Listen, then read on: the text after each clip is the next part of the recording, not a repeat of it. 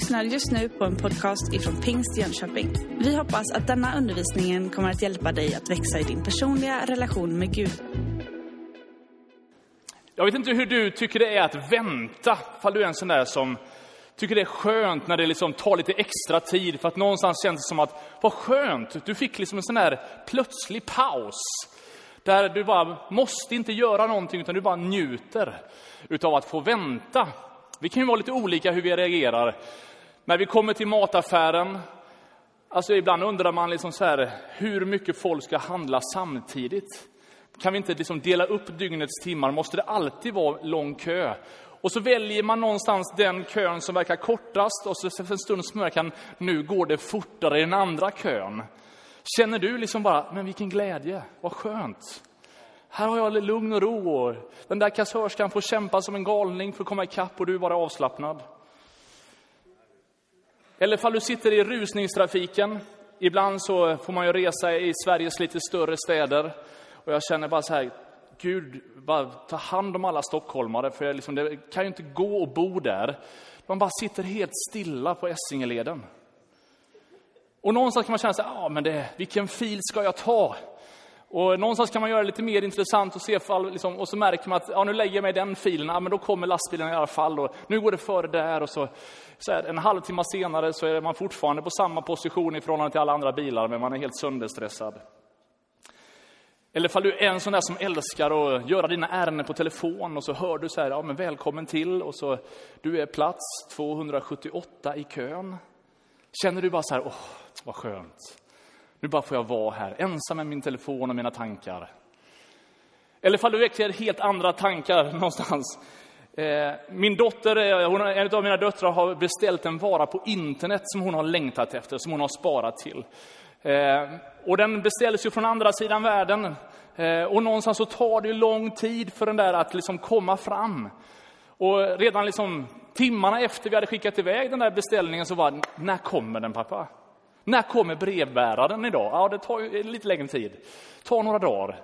Och så liksom varenda dag sedan den där beställningen påbörjades så har hon liksom, när är det, har den kommit nu? Väntan skapar olika saker. Det intressanta hos mig, jag vet inte om det stämmer hos dig, det är om jag sitter i min bil och så måste jag äta på ett sånt här McDonalds drive-in.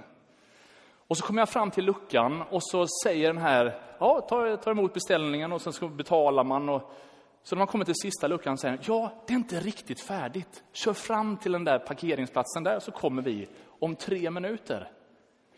Tre minuter är ju inte världslänge. Men i den stunden kan, man, kan jag ibland känna bara så här, nej men, som, jag, jag åkte ju in här för att få maten på en gång och nu får jag vänta i tre minuter. Säger kanske mer om mig än om dig. Men att vänta kanske inte alltid är enkelt. Vi lever i en tid som vill ha allt, gärna nu. Vi vill på något sätt så snabbt som det bara går få det som vi vill ha.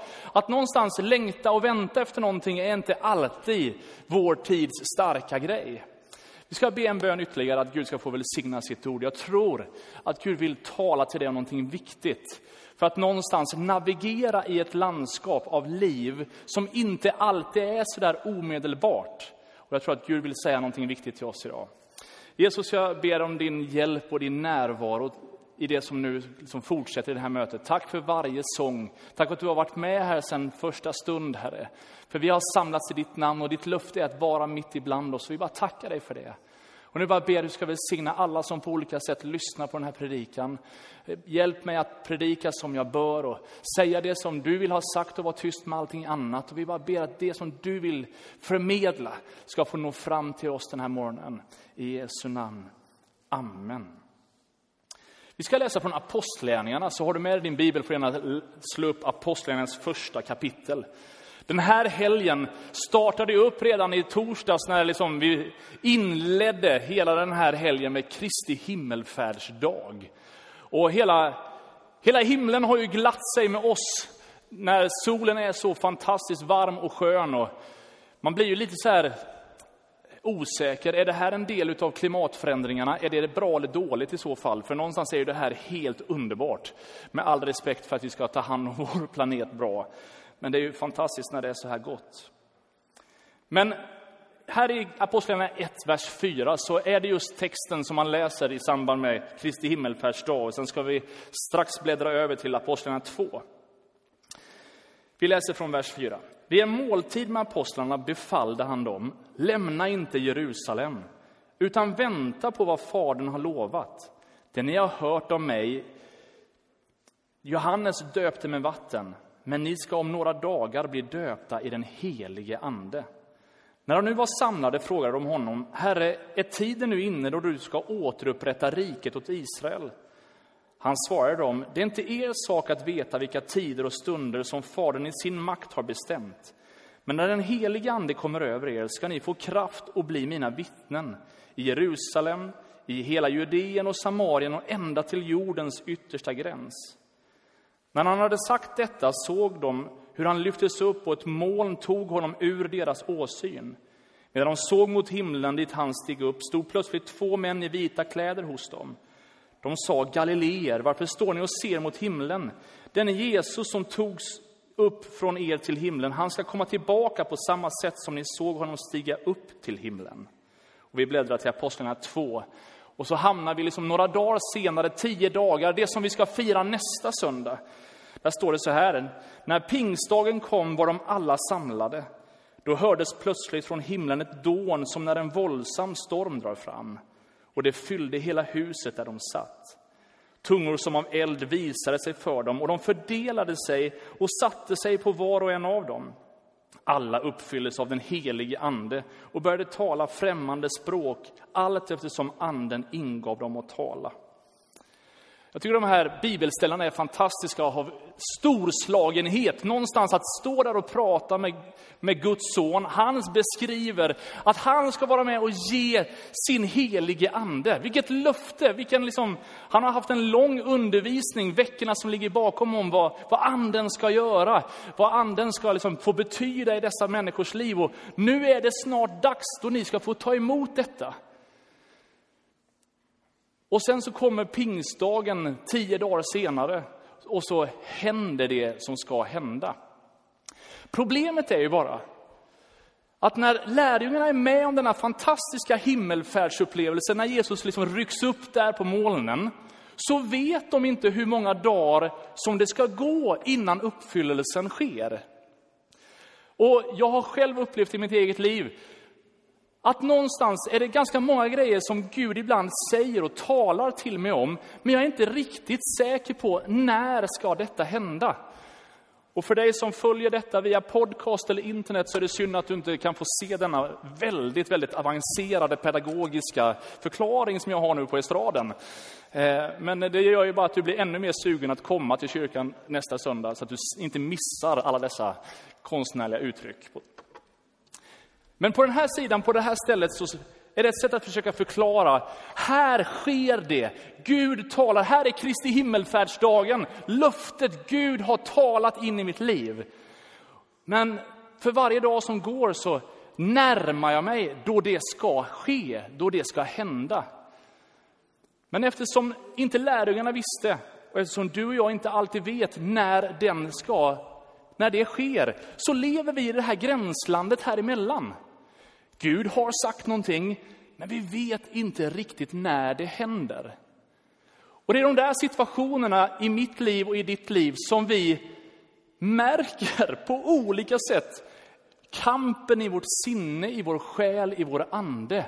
Att någonstans Gud har sagt någonting, men nu känns det som om Gud har dragit. Här, Jesus var väldigt starkt närvarande. Här var det så heligt. Så, det var en sån gudsupplevelse som inte lärjungarna kunde liksom fly undan ifrån. Men sen så drog Jesus och så blir de på något sätt ensamma kvar med löftet. Men inte leva i uppfyllelsen. Kanske är det så att du har varit med om en stark andlig upplevelse, varit på en gudstjänst, en smågruppssamling eller bara liksom mött Gud i något sammanhang så du bara känner bara wow, det här är på riktigt, vilka löften. Han talar liv och profetiska ord in i ditt liv om någonting som ska ske och du bara känner bara wow, vilket äventyr. Och sen så går vi in i den här mellanperioden någonstans. Och det känns som om Gud nästan är tyst. Var det verkligen Guds röst jag hörde? Det känns som om Gud sa någonting starkt, men vad har hänt med det någonstans längs med vägen här? Och för varje tid som går så känner jag bara, ja det var avlägset, jag hörde nog fel. Var det verkligen så han menade?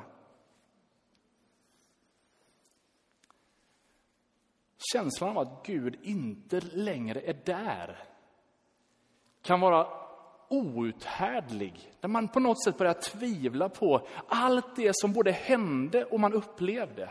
Var det bara en sån här Unite-upplevelse eller var det bara en lägerupplevelse eller var det bara just i den stunden som det hände något? Men det var egentligen mer bara liksom för att det var i det rummet.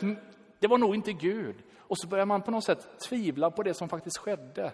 För någonstans så går tiden och det är upplevelsen av att Gud skulle få frånvarande. Hebreerbrevet 13, vers 5 säger så här. Det är Guds ord och jag vill verkligen slå fast det till alla som hör den här predikan. Det är Gud själv som har sagt, jag ska aldrig lämna dig eller överge dig. Är ni med? Jag ska aldrig lämna dig, aldrig överge dig. Utan i ljuset av det som Gud har gjort på pingstdagen så får vi läsa texten liksom baklänges någonstans och så tänka, det Gud har sagt, han kommer hålla det. Det Gud har lovat, det står fast. Och Gud, har han sagt någonting så blir det någonting. När man läser första boken i Bibeln så märker man hur mäktigt Guds ord är. För när han säger var det ljus, så blir det ljus. Men han säger att nu ska det inte längre vara liksom bara en stor sörja, nu ska vi ha berg, vi ska ha vatten, så blir det så. Så när Gud säger någonting, så sker det någonting. Och även om känslan kan vara att Gud känns frånvarande, så är han inte det. Han ska aldrig lämna dig, aldrig överge dig. Otroligt skönt att veta om det. Man kan ju ha lite olika reaktioner på den här väntan. När jag och min fru liksom lovade varandra att vi ska, vi ska gifta oss. Vi var på bröllop igår och fick liksom bevittna när Kajsa och Daniel skulle liksom, eh, säga sina liksom löften att nu ska vi för evigt höra ihop.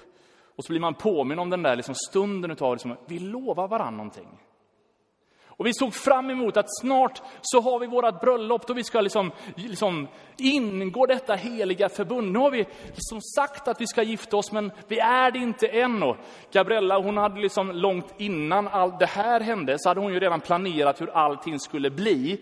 Så någonstans var det en, en transportsträcka för mig att någonstans gå och liksom hitta tråden på det som egentligen redan var bestämt. Och så skulle jag ändå försöka känna att vi var med och gjorde det här tillsammans.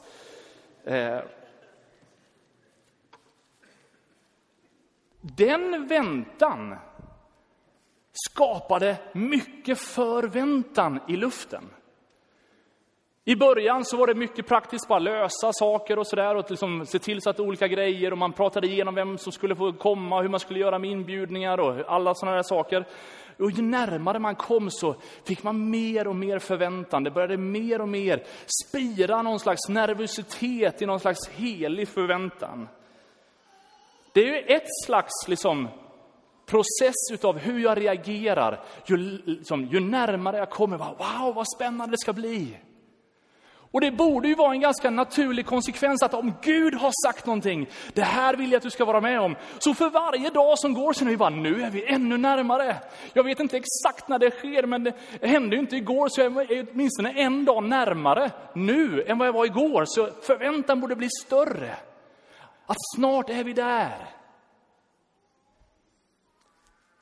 Men det verkar som om att den här rörelsen mellan löfte och uppfyllelse också är i en rörelse där jag antingen närmar mig Gud samtidigt eller någonstans väljer att gå ifrån korset. Där den här väntan av Guds löften bara, nej, det ökar inte min förväntan utan jag blir mer och mer likgiltig. Det känns som att liksom det rinner av på något konstigt sätt.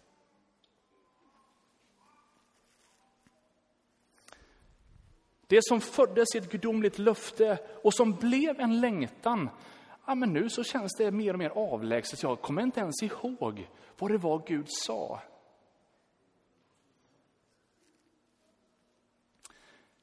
Att gifta sig för att hålla kvar eh, liksom bildspråket till ett det skapade en enorm passion utav, wow, snart är vi gifta, fy vad coolt. Och liksom, vi ska få dela varenda dag i glädje och i motgång. Ska vi liksom, nu är det vi två. Det var liksom med passion och med kraft. Men med Guds löfte så kan det bli i väntan. Istället för passion så kan det bli frustration. Bara, va? Hur länge ska jag vänta? Gud, jag läser i ditt ord, jag har hört dig säga, men det händer ju inte. Så även om jag på något sätt skulle vilja tro att Gud skulle vilja bota mig eller att jag skulle få vara med och se ett mirakel, så vänder väntan till någonting annat.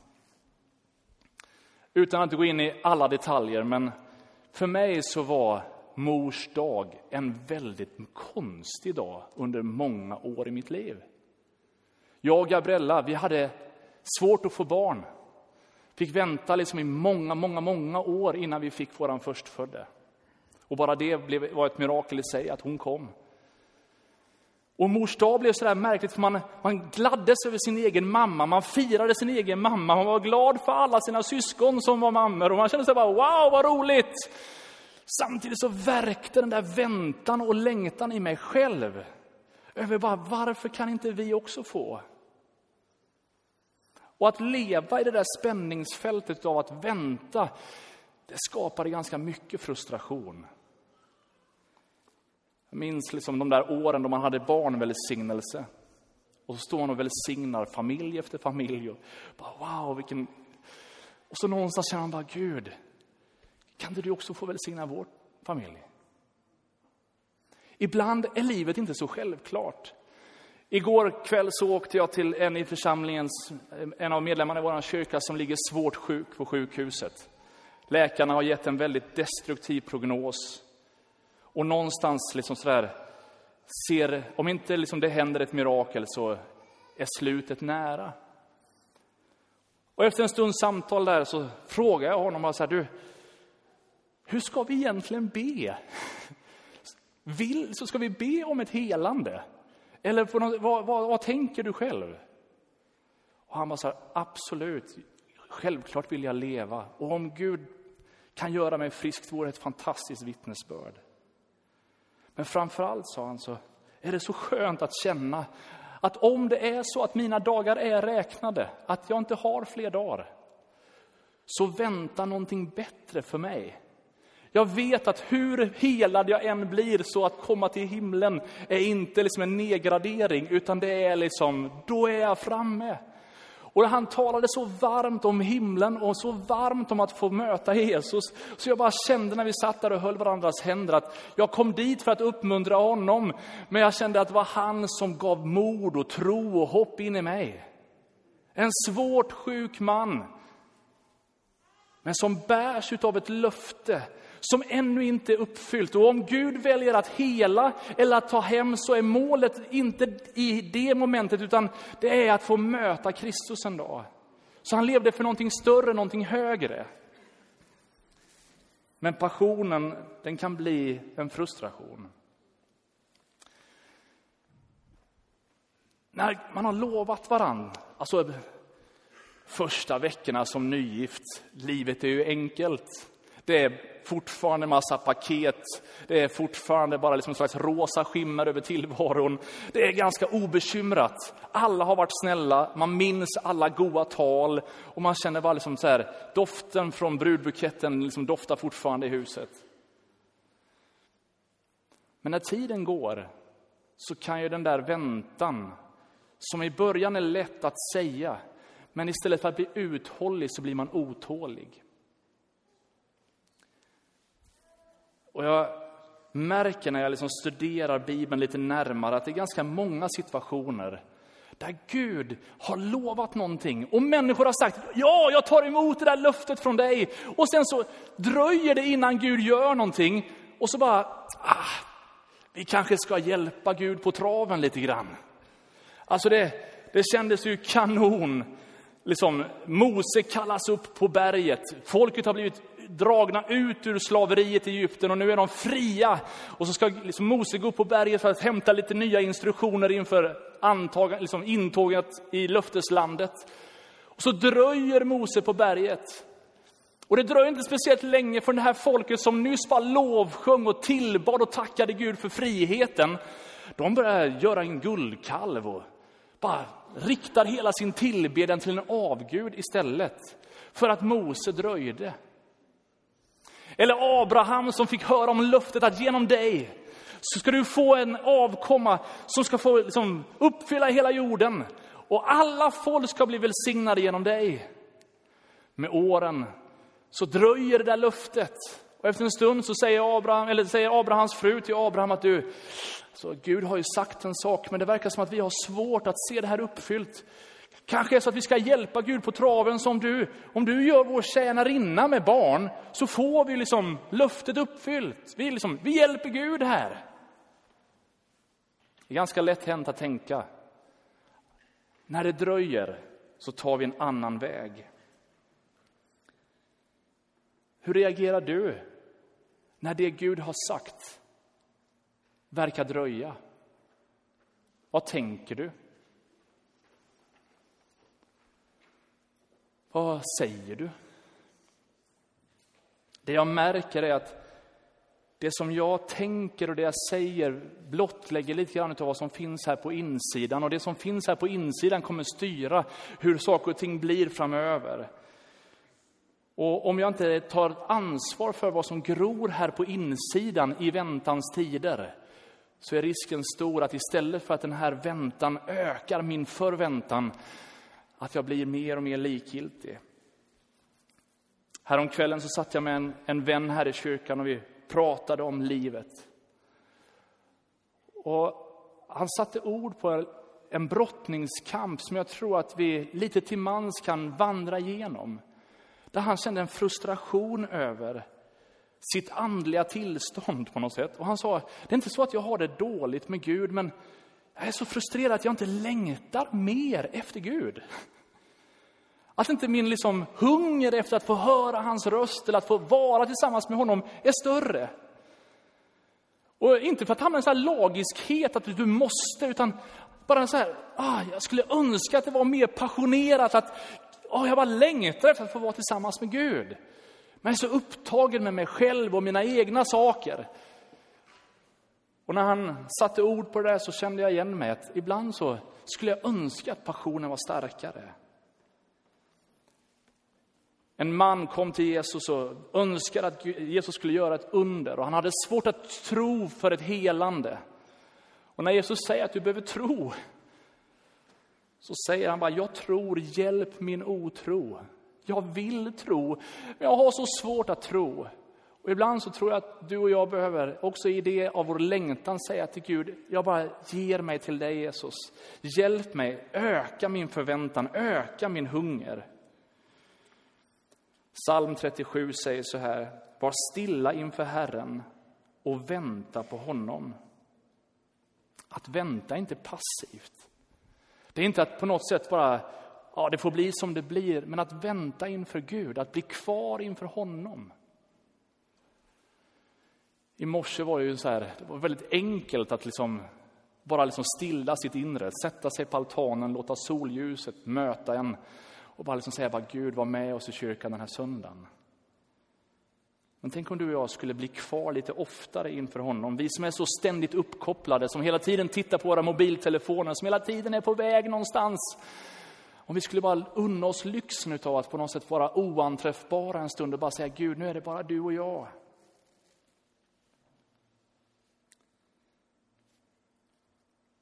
Predikaren 9 och vers 11 säger så här. Det är inte de snabba som vinner loppet och inte hjältarna striden. Inte heller får de visa alltid bröd, de kloka rikedom och de kunniga uppskattning. De är alla beroende av tid och tillfälle. Vi ser gång på gång i Bibeln hur man beskriv, som det beskrivs att Gud har lovat någonting, men hans stund har ännu inte kommit, eller tiden var ännu inte inne. Eller så står det att nu var tiden inne. Det verkar finnas liksom ett, en dimension som vi inte alltid kan se och förstå. Vad som Gud har sagt, när är det tid och när är det tillfälle? När jag kommer till tandläkaren så har jag en tid att passa. Jag behöver vara där när tandläkaren har sagt att jag ska vara där. Men även om jag är där i tid så får jag vänta på att någon kommer ut och säger, nu är det din tur. Nu är det ditt tillfälle. Och ibland så kan det dröja, även om de sa att det var kvart i tolv så skulle det vara, då är det tiden liksom. Så dröjde det. Det är ganska dumt att bara resa sig och gå och tänka, nej, det, jag var där i tid. Men, man är frestad att gå från tandläkaren varenda gång, det, det ska jag säga. Men någonstans den här att, okej, okay, det finns ibland saker i perspektivet av som vi inte förstår, som gör att just nu är inte tiden inne för att säga att det är din tur. Men var kvar inför Gud, var kvar i det han har sagt. Förra veckan så gick jag i mål i Göteborgsvarvet. Jag hade lovat en svåger att vi skulle ställa upp i detta lopp, 2,1 mil löpning. Jag går med viss andakt fortfarande kan jag säga. Men det jag förstod när jag sprang, det är att det är inte bara fysisk styrka och kraft som behövs för att ta mig i mål. Det är en mental kamp att någonstans bara acceptera det som sker. Och att någonstans vaka över att Gud, ta hand om mitt sinne, bevara mina tankar i dig Kristus, så i väntan på att ditt löfte ska uppfyllas vill jag leva tryggt i vem du är, tryggt i vad du vill ha sagt. Och därför så är det så viktigt någonstans att förstå att missionsuppdraget var tydligt. Jesus ville att vi ska gå ut och predika evangelium för alla människor. Han ville att vi ska ta ut och se till så att många får komma till tro. Men han var noga med att den där befallningen inte skulle liksom genomföras i egen kraft. Utan Lukas evangeliet säger så här om himmelsfärden att ni ska stanna här i staden tills ni har blivit rustade med kraft från höjden. Och jag skulle vilja säga till dig, Gud har ett äventyr för dig. Han vill att du ska få vara med om massa spännande saker. Han vill använda dig. Men han vill inte skicka ut dig och bara liksom så här, oh, lycka till. Utan han vill rusta dig med sin egen kraft. Så att när du gör någonting så går du inte där i egenskap av dig själv, utan Gud är med dig. Och någonstans behöver vi vara mer noga med den här processen utav väntan. För kanske är det som en jäsningsprocess när vi bakar bröd eller bullar. Att det är någonting som måste hända i brödet, i bullen för att någonstans det ska bli så bra längre fram. Och om jag forcerar den här jäsningsprocessen, om den här vänteperioden på något sätt liksom bryts av så kommer det inte dofta så gott, smaka så gott som det var tänkt att göra. Vi behöver kraft för att ibland säga det som behöver sägas, även om man rent mänskligt känner att, oh, ska jag verkligen säga detta? Vi behöver kraft för att göra det som ibland behöver göras, även om det någonstans känns bara, oh, är det här verkligen politiskt korrekt att göra? Det behövs kraft för att gå till de områden dit ingen annan vill gå. Att fortsätta när man inte vågar, att fortsätta när man inte orkar. Rustad med kraft från höjden. Det finns en berättelse i Gamla testamentet där kung Saul inte vågar besegra Goliat. Så David, en ung herdepojke, får chansen att liksom ställa upp i striden mot Goliat. Och då, Saul säger bara, men ska du göra det här så får du ha på dig min rustning. Och så klär han på sig som kungarustningen. Och David känner bara, nej det här kan inte jag. Så han får plocka av sig den. Och den där texten har kommit till mig inför den här söndagen som en uppmuntran till dig. När Gud vill rusta dig så är det inte att han ska rusta dig i någon annans dräkt. Utan du ska vara dig själv. Du ska vara den du är, så som Gud har skapat och format dig. Alla ska inte göra samma sak, bete sig på samma sätt, utan vi är, vi är lite olika. Men vi ska vara autentiska, äkta, ärliga mot dem vi är och Gud vill rusta oss. Framförallt så vill han rusta oss med sin egen närvaro. Till sist vill jag läsa från Johannes kapitel 14. Där säger Jesus så här, jag ska be Fadern och han ska ge er en annan hjälpare som ska vara hos er för alltid, sanningens ande. Världen kan inte ta emot honom, för världen ser honom inte och känner honom inte. Ni känner honom, för han förblir hos er och ska vara i er. Jag ska inte lämna er faderlösa, jag ska komma till er. Men hjälparen, den helige Ande, som Fadern ska sända i mitt namn, han ska lära er allt och påminna er om allt som jag har sagt. Frid lämnar jag åt er, min frid ger jag er. Jag ger er inte det som världen ger. Låt inte era hjärtan oroas och tappa inte modet. Jag är övertygad om att Gud har lovat, både i sitt ord och kanske personligen strykt under vissa saker i ditt liv. Vi lever i väntan på uppfyllelsen. Nästa vecka ska vi få fira pingstdagen och fira att liksom just det löftet uppfylldes. Men jag tror att du förstår metaforen, att någonstans i det här gränslandet av väntans tider så behöver vi se till så att vi verkligen bli rustade med kraft från honom. Där hans ande, hans hjälp får komma oss till mötes. Han lämnar oss inte faderlösa, han vandrar med oss. Han ser till så att modet inte sviker. Och du känner bara, nej men nu har det gått länge. Jag har ropat till Gud så mycket om den här saken. Jag har fortfarande inte sett det här uppfyllt. Det känns så avlägset, långt bort. Så någonstans så får du bara be Gud om att inte oroas. Utan du behöver uthållighet för att liksom göra Guds vilja och få vad han har lovat. Du behöver se till så att tålamodet, andens frukt får prägla dig så att du håller fast vid det han har sagt. För kanske är det så att du är mycket närmare den här uppfyllelsen än vad du trodde när du vaknade i morse. De där sakerna som han talade till dig om för x antal år sedan och du tänkte, äh, det blev nog ingenting med det. Marion som du lyssnade till alldeles nyss, hon är ju ändå lite äldre än en del av oss andra. Hon skulle kunna säga, ah, men nu är jag pensionär, nu har jag gjort mitt. Nej, men du hörde ju själv, hon, hon liksom växlade upp och har kört över 20 år till liksom efter det. Är med? Hon, hon är där i hela sin kropp och sitt sinne. Låt oss leva sådana liv som säger Gud, du har sagt någonting och jag tänker trofast hålla fast vid det du har sagt, vid det du har lovat. Och för varje dag som går kommer jag bli mer och mer förväntansfull. Och Gud, nu blir miraklet ännu större.